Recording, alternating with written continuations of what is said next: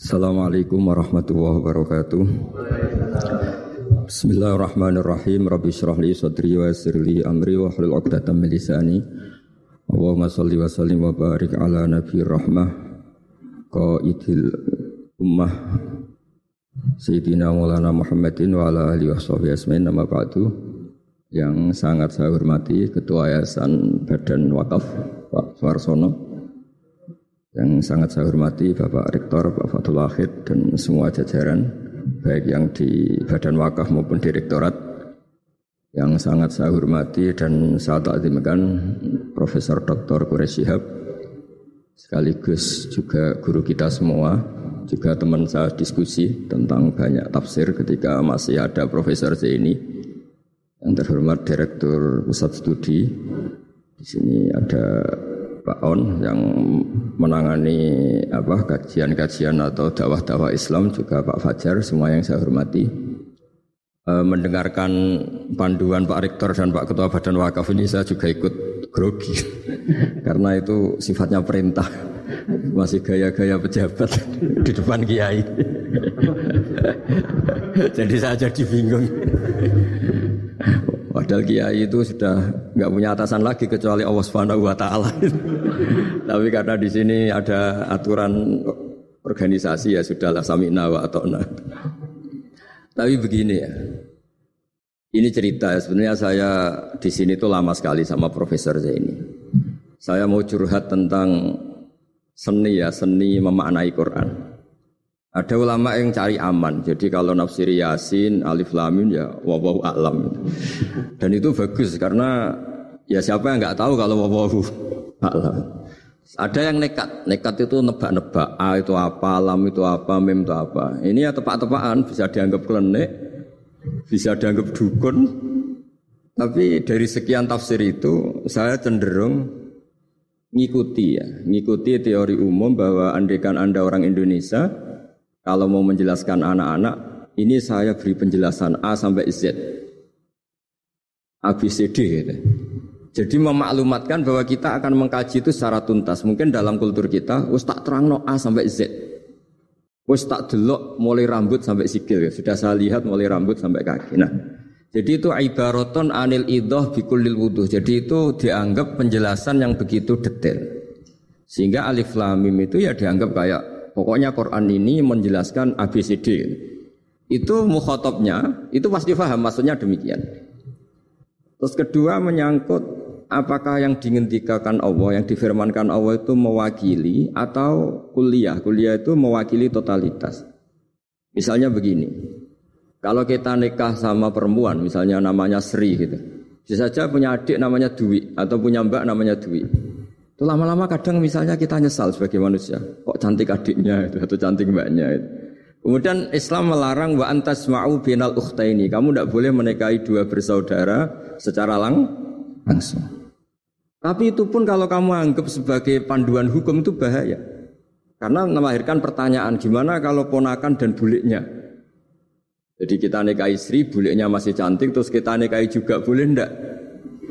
Sebab itu zaman Rasulullah Shallallahu Alaihi Wasallam ketika baca ayat wa antas mau binal ukhtan, zaman itu Nabi menambahkan juga kamu nggak boleh nikahi perempuan plus buliknya. Nah, sehingga wa antas mau binal ukhtan itu dianggap ibaratun an hurmatil jam'i binal mahromen itu dianggap pelarangan menikahi dua perempuan yang ada unsur apa? Mahram. Lalu pertanyaannya, kenapa Allah hanya menyebut dua saudara? Karena yang potensi masih sama-sama cantik ini dua saudara. Jadi Allah tidak perlu melarang wa antas mau benal mar'ati wa jaddatiha. Karena kalau itu kan orang-orang agak-agak waras kan kira-kira gitu. Masa tertarik cucunya karena umur 17 juga tertarik mbahnya yang 80 tahun. Kira-kira tidak usah dilarang juga nggak kepikiran kan gitu. Tapi kalau saudara kan kepikiran. Makanya banyak kalau mbaknya mati, wong Jawa itu ngeduni, mbaknya meninggal terus nikah adiknya. Kadang adiknya meninggal juga nikah adiknya lagi. Jadi kalau orang tuanya masih nekat bisa habis anaknya. Saya pernah punya teman tuh mbaknya dinikahi mati, nikahi lagi adiknya mati. Lu adik ketiga mau dinikahkan lagi. Saya tantang itu habis anak kamu kalau gitu. gitu. Nah, sehingga kita kita yang nekuni fikih itu tahu antas mau binal ukhtan itu bukan harus ukhtan. Dan makanya terus ulama mengingatkan bahayanya berpegangan Quran nggak didampingi ulama karena nanti akan bilang yang diharamkan Quran itu al jamu binal ukhtain hanya mengumpulkan dua saudara berarti sama bule bude boleh sama mbah boleh itu bahaya sekali. Karena memang zaman itu Nabi hanya menambahkan wa wala binal marati wa ammatiha wala binal marati wa kholatiha juga nggak boleh menikahi perempuan plus bule baik dari bapak maupun bule dari apa ibu. Nabi zaman itu tidak menambahkan walai benal marati wajadatiha karena dikira itu normalnya orang pasti tidak kepikiran dan nikah perempuan plus mbahnya karena umurnya pasti ter, apa, terpaut jauh. Kemudian ada lagi misteri tafsir yang pasti ulama itu beda. Misalnya begini. Dalam cerita-cerita karomatul aulia dan kita kita ya kita yang nekuni ilmu itu kita percaya lah. Soal yang nggak percaya ya monggo ini karena tidak tek Quran dan hadis. Ketika seorang Nabi Muhammad Shallallahu Alaihi Wasallam di alam arwah. Karena di hadis Mi'raj Nabi juga sering ketemu para nabi. Di antaranya ketemu Nabi Musa ketemu beberapa nabi. Itu hadisnya soheh bahwa Nabi sering ketemu para nabi di alam arwah. Dan ini punya efek di kitab tafsir nanti. Ada ayat eh, apa itu tentang pertemuan Nabi Muhammad SAW dengan Nabi Musa. Singkat cerita di kitab-kitab wali diterangkan Suatu saat Nabi itu dikomplain oleh Nabi Musa karena beliau ngendikan ulama umati keambia ibani Israel. Kualitas ulama umatku itu sama dengan kualitas nabinya Bani Israel. Ini kan memancing sentimen. Kata Nabi Musa, benar saja masa saya Nabi kok disejajari ulama gitu loh. Disejajari ketua direktur tadi, ya, direktur studi Quran kan nggak terima. Masa saya Nabi setara dengan LC MUI kan nggak terima. Dan itu rasa bagus Nabi Musa nggak terima itu. Saya sendiri juga nggak terima gitu. Akhirnya buktinya apa? Dalam cerita wali itu dipanggillah Imam Ghazali di cerita wali itu. Terus kata Imam Ghazali, nama kamu siapa? Ana Muhammad bin Muhammad bin Muhammad Al Ghazali Atusi Asyafi. Jawabnya panjang sekali. Ana Muhammad bin Muhammad bin Muhammad Al-Ghazali Atusi Asyafi. Terus Nabi Musa, Loh saya tanya nama kamu, kamu cerita bapakmu, mbahmu, madhabmu, daerah kamu. Kepanjangan, tanya nama kok ngomongnya panjang. Terus kata Nabi Musa, kata Imam Ghazali, Anda juga gitu di depan Allah yang hanya tanya wa matil biyamini kaya Musa, anda jawabnya kepanjangan qala hiya asaya atawakkau 'alaiha wa husyubiya ala liyafiha ma'aribu ukhra. Padahal Allah hanya tanya yang bawa yang dibawa kamu oleh tangan kanan itu apa Musa? Ini tongkat saya Gusti, tak pakai ini, tak pakai gini, tak pakai gini. Masih ada dan lain-lain walia ma'arifu ukhra dan masih banyak kepentingannya. Akhirnya Musa itu sadar. Ini di depan Allah yang maha tahu. Itu aja engkau beri penjelasan berlebih, apalagi saya depan jenengan. Singkat cerita di cerita itu Nabi Musa, ya ya betul umat kamu memang pinter-pinter gitu. Pokoknya dia ngakui, beliau ngakui. Tapi dalam perspektif ilmu toreko, tafsiran seperti itu tidak diikuti. Yang diikuti adalah kalau kita ketemu rektor, misalnya nyuwun sewu, satpam dipanggil rektor atau dipanggil ketua badan wakaf atau menteri dipanggil presiden atau murid dipanggil guru itu kan bawaannya grogi. Dan mulai dulu orang-orang bijak saya kenangan saya dengan Kiai Haji Memun Zubair dengan bapak saya sendiri. Orang-orang bijak kalau manggil santri atau bawahan dengan keadaan grogi itu mesti tanya yang nggak penting supaya groginya hilang. Iya mau nang jalan macet, gimana di jalan tadi macet? Gimana di daerah kamu musim apa? Setahu saya ulama-ulama top atau rektor atau siapa saja kalau yang bijak pasti nanya anak buah itu yang nggak penting dulu. Gimana lancar di perjalanan, datang jam berapa, sehat-sehat saja. Karena bawaannya bawahan itu takut. Nah, ketika Nabi Musa ini takut, Allah itu ngikuti sunnahnya manusia. Kalau takut ya jangan tanya yang penting dulu. Sa, kamu bawa apa? Ya dijawab, saya bawa tongkat Gusti. Jadi itu sebetulnya hanya ilmu psikologi bahwa kalau orang takut itu ya diceritain, ditanya yang ringan-ringan. Lagi-lagi ini ilmu. Jadi analisis tafsir itu tidak ada selesainya dan semuanya butuh perangkat. Di antaranya perangkat itu adalah fitrah salimah. Makanya dikatakan Pak Rektor tadi benar bahwa orang bisa memahami Quran kekuatan angin dengan cerita angin seperti ini. Tadi cerita Pak Suarsono Muhammad juga gitu, Suarsono Muhammad semuanya sama. Sehingga memaknai Quran itu baik dengan ilmiah maupun dengan fitrah salimah itu akan sama-sama menelurkan makna yang sahih asal berlandas riwayat yang sahihah.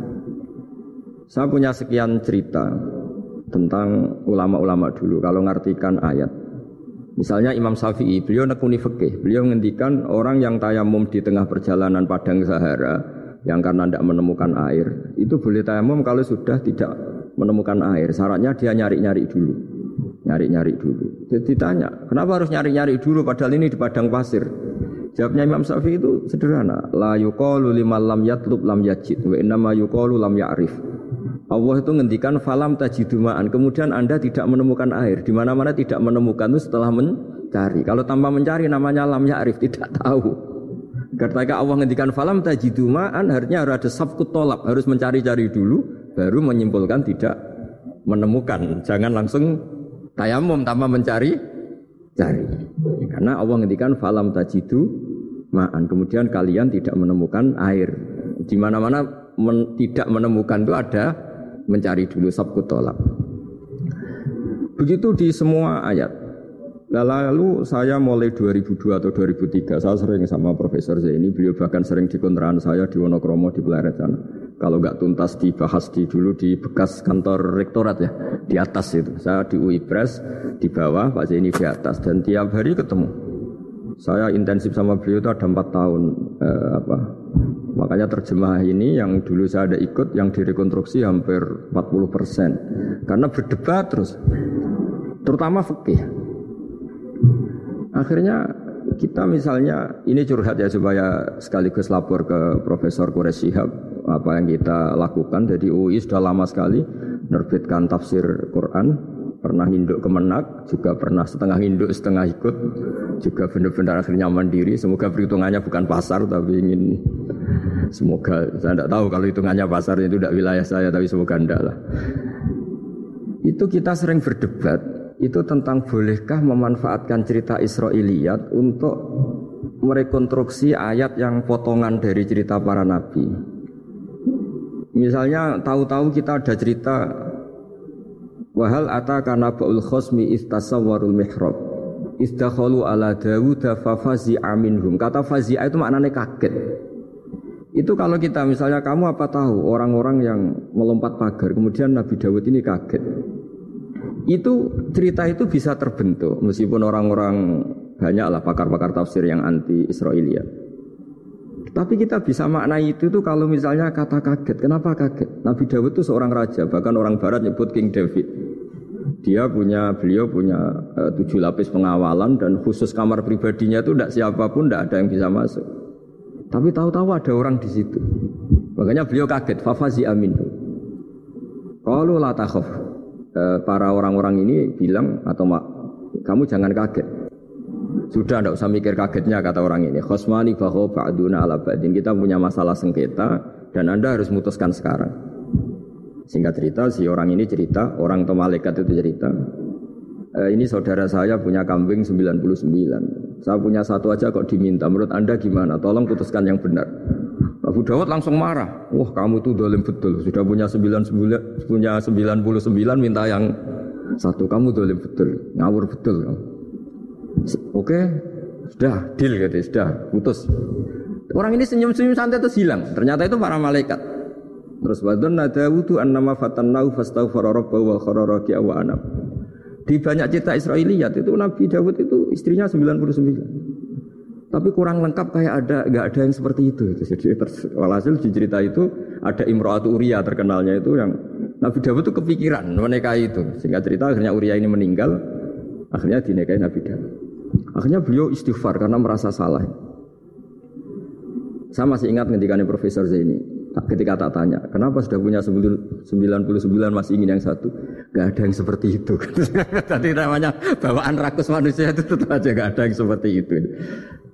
Nah pertanyaannya, bolehkah puzzle ini ya. Kita rangkai dengan cerita Israiliyat. Yang Israel ini ini bisa iya, bisa enggak kata Nabi zaman Sugeng, latu sodikuhum walatu kadzibuhum. Kamu ya jangan bilang iya, jangan-jangan bohong karena, karena dari cerita-cerita Israiliyat. Tapi jangan juga bilang takzib, bilang mendustakan, jangan-jangan benar.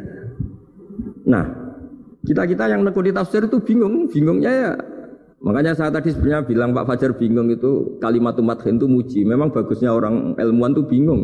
Kalau ilmuwan PD itu udah ilmuwan namanya, orang nekat itu. Ilmuwan itu harus satu teori diuji dengan teori yang lain diperbandingkan terus menyimpulkan saat ini saya memutuskan demikian tapi entah suatu saat itu khasnya ilmuwan karena dia harus apa mikir terus itu masih banyak yang seperti itu akhirnya ya kita nafsiri ya ya pokoknya kalau orang sudah punya tiga kok minta yang punya satu ya rakus lah gitu aja sudah apa itu peristiwa perempuan apa peristiwa harta peristiwa jabatan jadi kalau sudah punya jabatan satu kok ingin jabatan yang lainnya sanggup saja rakus gitu aja. Terus lalu itu simbol. Makanya ini terus pertanyaannya. Ini apakah simbol ibaratun anman itoma bahwa Allah nggak suka toma atau memang itu fakta? Nah hal-hal seperti itu yang yang kita terus menekuni. Kemudian yang ketiga misalnya kita ini sebagai cucu yang kurang baik. Setiap kita pidato cerita dosanya Nabi Adam diusir dari apa?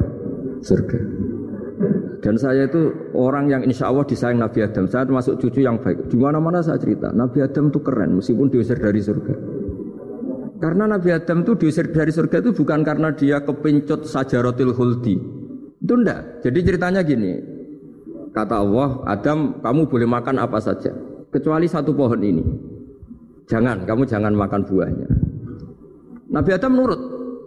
Nah terus banyak kiai yang cerita. Gara-gara dirayu istrinya. Terus akhirnya cerita wis jenenge wong lanang wong wedok. Itu kata istrinya Tuhan yang bener aja masa semuanya boleh kok? Satu aja gak boleh. Cara lomo gak menisan gitu cara Jawa itu ya kalau sudah semuanya boleh yang lebih mewah pun boleh kok ini satu gak boleh ini. Ah paling itu iseng maksudnya sudahlah dicoba aja nah karena Nabi Adam itu merasa nggak nyaman ada yang diredaksikan faakala faakala itu makan tapi kalau makan tidak juga karena nggak nekat, karena beliau merasa tidak nyaman. Makanya sebagian diredasikan zako, zako itu ngicipi saja karena nggak nyaman. Sehingga lafat akala dimaknani zako, zako juga dimaknani akala dalam konteks ini. Nah, tapi di tafsir Ibnu Kasir diterangkan kata kuncinya itu bukan di akala atau zako, tapi wako sama huma ini lakuma laminan nasihin. Jadi Nabi Adam itu ketemu iblis, setan, Terus iblis ini bilang, wawahi demi Allah, larangan itu sudah dicabut dan sekarang anda boleh makan itu. Atau apalah sumpahnya iblis merayu itu. Ketika Allah tanya, ya Adam kenapa kamu makan sajaratul khuldi padahal sudah saya larang. Ini hebatnya Nabi Adam. Waqa sama huma. Wa izzatika ya Rabbi ma ahna ahadan yaklifu bika kadiban. Wa izzatika ya Rabbi ma adzunnu anna ahadan yaklifu bika kadiban. Misalnya saat kita punya teman yang biasa bohong dengan kita. Oke biasa bohong kita tidak percaya. Tapi kalau teman itu bilang gini, kamu dipanggil rektor. Misalnya saat santri kamu dipanggil Mbah Maimun. Bawaannya orang takut karena bawahan tadi. Itu pasti tidak ngecek lagi. Meskipun yang cerita ini orang bohong, biasa bohong. Tapi ini dipanggil rektor, dipanggil ketua badan wakaf, ketua yayasan badan wakaf. Kan pikirannya tuh, waduh, mendingan coba-coba lah daripada bawaannya itu mesti tidak mikir langsung. Nah, Ketika nama engkau disebut ya Allah. Ketika nama engkau disebut, wawahi saya ini benar kata iblis. Saya tidak kepikiran wa izzatika ma adzunnu anna ahadan yahlifu bika kadziban. Saya tidak pernah mengira ada seseorang atau makhluk siapa pun yang ketika menyebut engkau kemudian dia bohong. Mencatut nama presiden itu buat orang fasik kan ya takut, nyatut nama rektor buat orang nakal pun takut. Apalagi ini nyatut nama Allah. Ini Allah sudah bilang kamu boleh makan ini. Nah, barokahnya jawaban itu sumat tabahu rabbuhu fataba ali wahada. Nabi Adam saat itu juga jadi al mujtaba, dia orang pilihan. Ya, ini saya termasuk cucu yang baik karena meneruskan cerita sampai sempurna ini. Jadi mohon para kiai, para balik yang cerita Nabi Adam dosa itu mohon tobatlah kasihan tuh mbah kita, anu ceritakan dosa nih. Dosa kalah beong wedok semacam-macam. Nah, itu kasihan.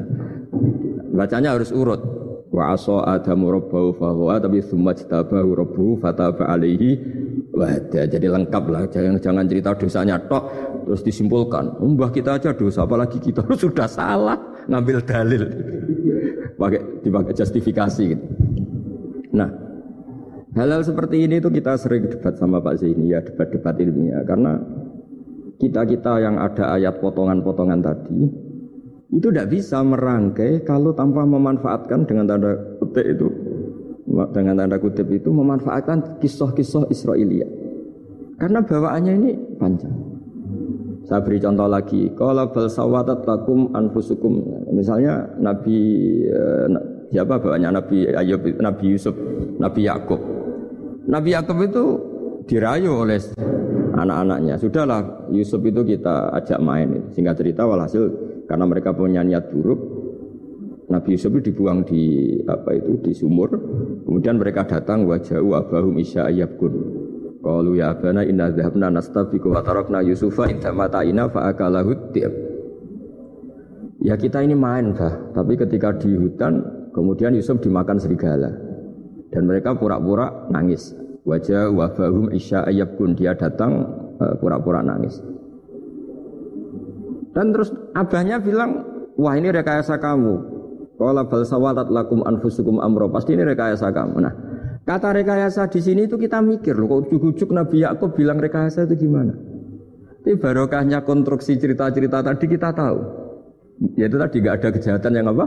Sempurna. Terus mereka kan latohu saubahu bidamin. Mereka itu melumuri bajunya Nabi Yusuf dengan apa? Darah. Seakan-akan Nabi Yusuf itu dimakan apa? Serigala. Tapi dia lupa menyobek-nyobek baju tadi. Makanya Nabi Yakub bilang, Cek sopan serigala itu ketika mau makan baju anak saya disuruh nyopot dulu gitu. Cek peradabannya gitu. Nah, di sini kata samalat itu ada konstruksi yang kita mau tidak mau pakai cerita tadi karena wong dimakan serigala kok bajunya utuh. Cek beretikanya serigala itu. Mungkin kuliah di UI. jadi, nah kita ini nekuni itu. Jadi apa ya? Nah terus Nah kita akan cari aman, hanya cari aman itu kalau tafsir atau terjemah berdasar Israiliyat kita nanti dimarin orang banyak. Tapi tidak juga kita kadang-kadang mau tidak mau karena ada kata yang tersembunyi. Yang mau tidak mau utuhnya itu kalau memanfaatkan Israiliyat tadi. Nah, makanya Nabi ketika ditanya ya Rasulullah bagaimana dengan uh, cerita dari Bani Israel itu. Ya Nabi ngendikan la tusaddiquhum wa la tukadzibuhum. Ya kamu jangan bilang iya, ya jangan bilang tidak. Tapi setelah kita kita nekuni tafsir ya nekuni apa itu mau tidak Terus yang terakhir sebagai matur kita ke Profesor Dr. Quraish masalah fikih terutama yang mendesak. Quran itu kalau cerita fikih itu kan belum dibabkan dulu ya. Misalnya atolaku marotan cerai itu ya hanya dua cerai hanya dua ini kan kita jadi bingung karena tahunya kita cerai itu sampai apa? Tiga. Akhirnya mau tidak mau kita membuat taksis, taksisul fikih, dasaran fikih. At-tolaku marotan ayit tolak sing yasihur rujuk. Tolak yang boleh rujuk. Itu dua. Namanya roj'i. Kalau tolak ini roj'i wa bu'olatuhunna ahakku birotihinna di masa iddah suami tadi maling berhak rujuk. Artinya orang lain nggak berhak karena ini masih fi hukmi zaujiyah. Dia masih dihukumi seorang apa?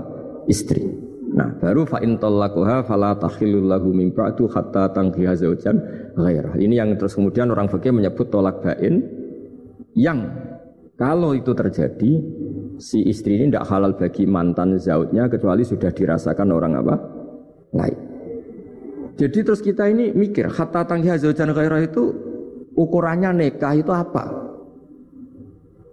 Mayoritas ulama bilang ukurannya nikah bukan sekedar akad, tapi sudah dirasakan orang lain, sudah ada hubungan intim. Memang harus bahasa vulgar ya karena ini fikih. Ben kapok cara Jawa, oleh nalak tenanan jebule ape balik bojone dirasakno wong iya. Kadang mukhalil ini kebablasan nggak mau ngelepas. Padahal dia kadang mukhalil order, tapi kalau cantik terus menarik kan dia nggak mau lepas. Nah pertanyaannya itu kan tapi ada madhab yang meskipun sesat yaitu yang mengatakan ya hanya akad sudah sah. Tapi itu di coro bahasa sekarang dibully banyak ulama disalahkan. Uang tujuannya itu bikin jerah kok hanya akad kan tidak jerah. Jadi mukhalilnya hanya akad, setelah akad nanti menceraikan itu sudah cukup. Itu di, disalahkan banyak ulama karena ketika peristiwa itu terjadi pada istrinya Rifa al-Qurazi, jadi di hadis itu ya vulgar. Ya Rasulullah saya ini istrinya Rifa al Qurazi. Kemudian dia mencerai saya, fabat tato lagi, tolaknya sampai habis. Kemudian saya nikah sama Abdurrahman bin Zabir. Di di hadis ini bukan bacanya bukan Zubair tapi Zabir. Abdurrahman bin Zabir. Tapi orang Arab itu ya agak-agak vulgar. Wa inna ma ma'ahu mislahud batis saw. Tapi alat kelaminnya tuh kiwir-kiwir. Nabi. Saya tidak mau. Ini.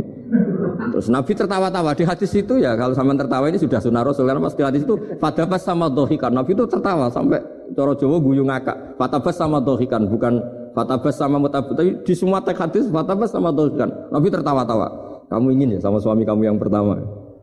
Terus terus Nabi ngendikan lah kata hatta yadzuqa usailataki wa tadzukina usailata ndak sehingga kamu merasakan dia dan dia merasakan kamu sehingga ulama mengatakan hatta tangkiha zaujan khairah adalah sampai hubungan suami istri untuk menjadi muhalil yang sah. Nah, maksud saya di sini juga matur sama rektor sama ketua badan wakaf ini nggak gampang ngamanati jadi direktur. Makanya Pak Fajar minder sudah bener. Mendingan noto sandal dari kanan jadi kiri, kiri jadi kanan gitu. Karena PR-nya itu besar dan nanti diaudit. Apalagi kalau dapat gaji lebih besar lagi. Makanya ini kalau bisa Pak Rektor, Pak Badan Wakaf nggak usah digaji supaya hisapnya ringan. Sudah keliru dapat uang kan berat hisapnya. Loh saya dulu tanya Profesor Zeni, bertahun-tahun saya kerja di itu nggak kepikiran gaji, sampai sekarang nggak kepikiran. Pak Zeni tahu kalau saya ikhlas. Saya bilang, kok ada orang ikhlas gak Pak? Saya ini anak kiai, cucu kiai, ajaran paling pokok ya ikhlas. Sebetulnya bukan ikhlas ikhlas banget, karena kalau digaji kok salah itu hisapnya berat. Nah salah dapat gaji. Jadi mohon ini dipakai percontohan pertama.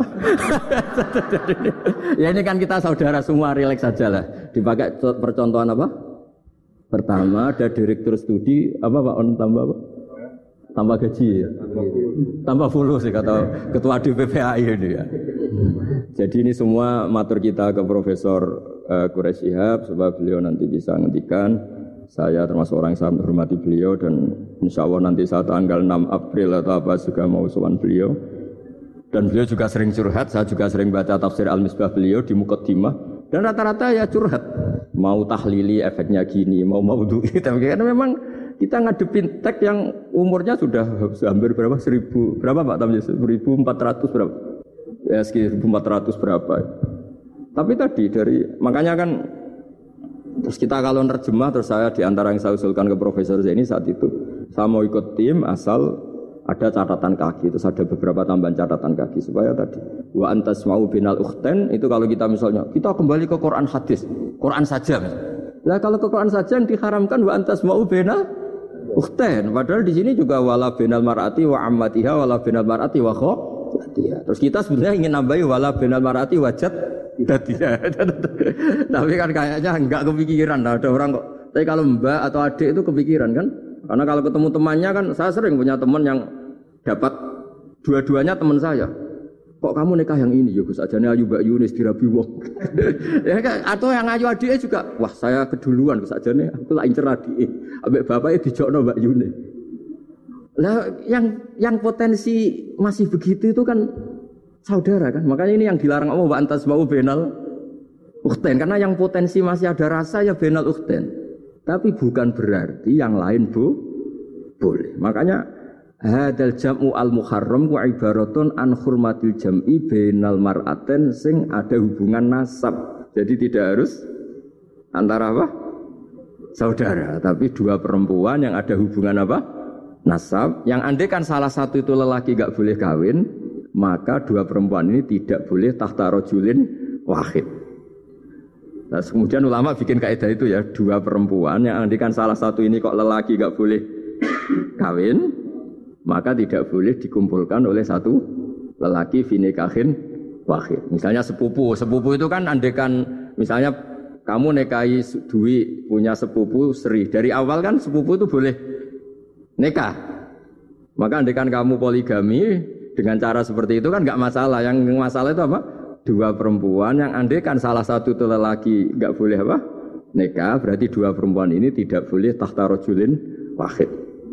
Artinya benal ukten ini dianggap ibaratun angkada. Kalau dalam bahasa Balawi disebut itlaqul ba'di wa iradatil kul. Yang disebut sebagian tapi maknanya utuh. Nah hal-hal seperti itu memang berat. Makanya ini direkturnya sudah nyerah itu tapi lebih gampang nyerah lagi kalau nggak dapat gaji. Karena kalau nyerah tok gajinya diterima tuh kayaknya gimana gitu. Nah ini tidak gojlok tapi etika ya. Ini urusan etika. Tapi kalau UI memberi tidak atas nama gaji, atas nama kasihan dia monggol. Gak ngotot Assalamualaikum warahmatullahi wabarakatuh.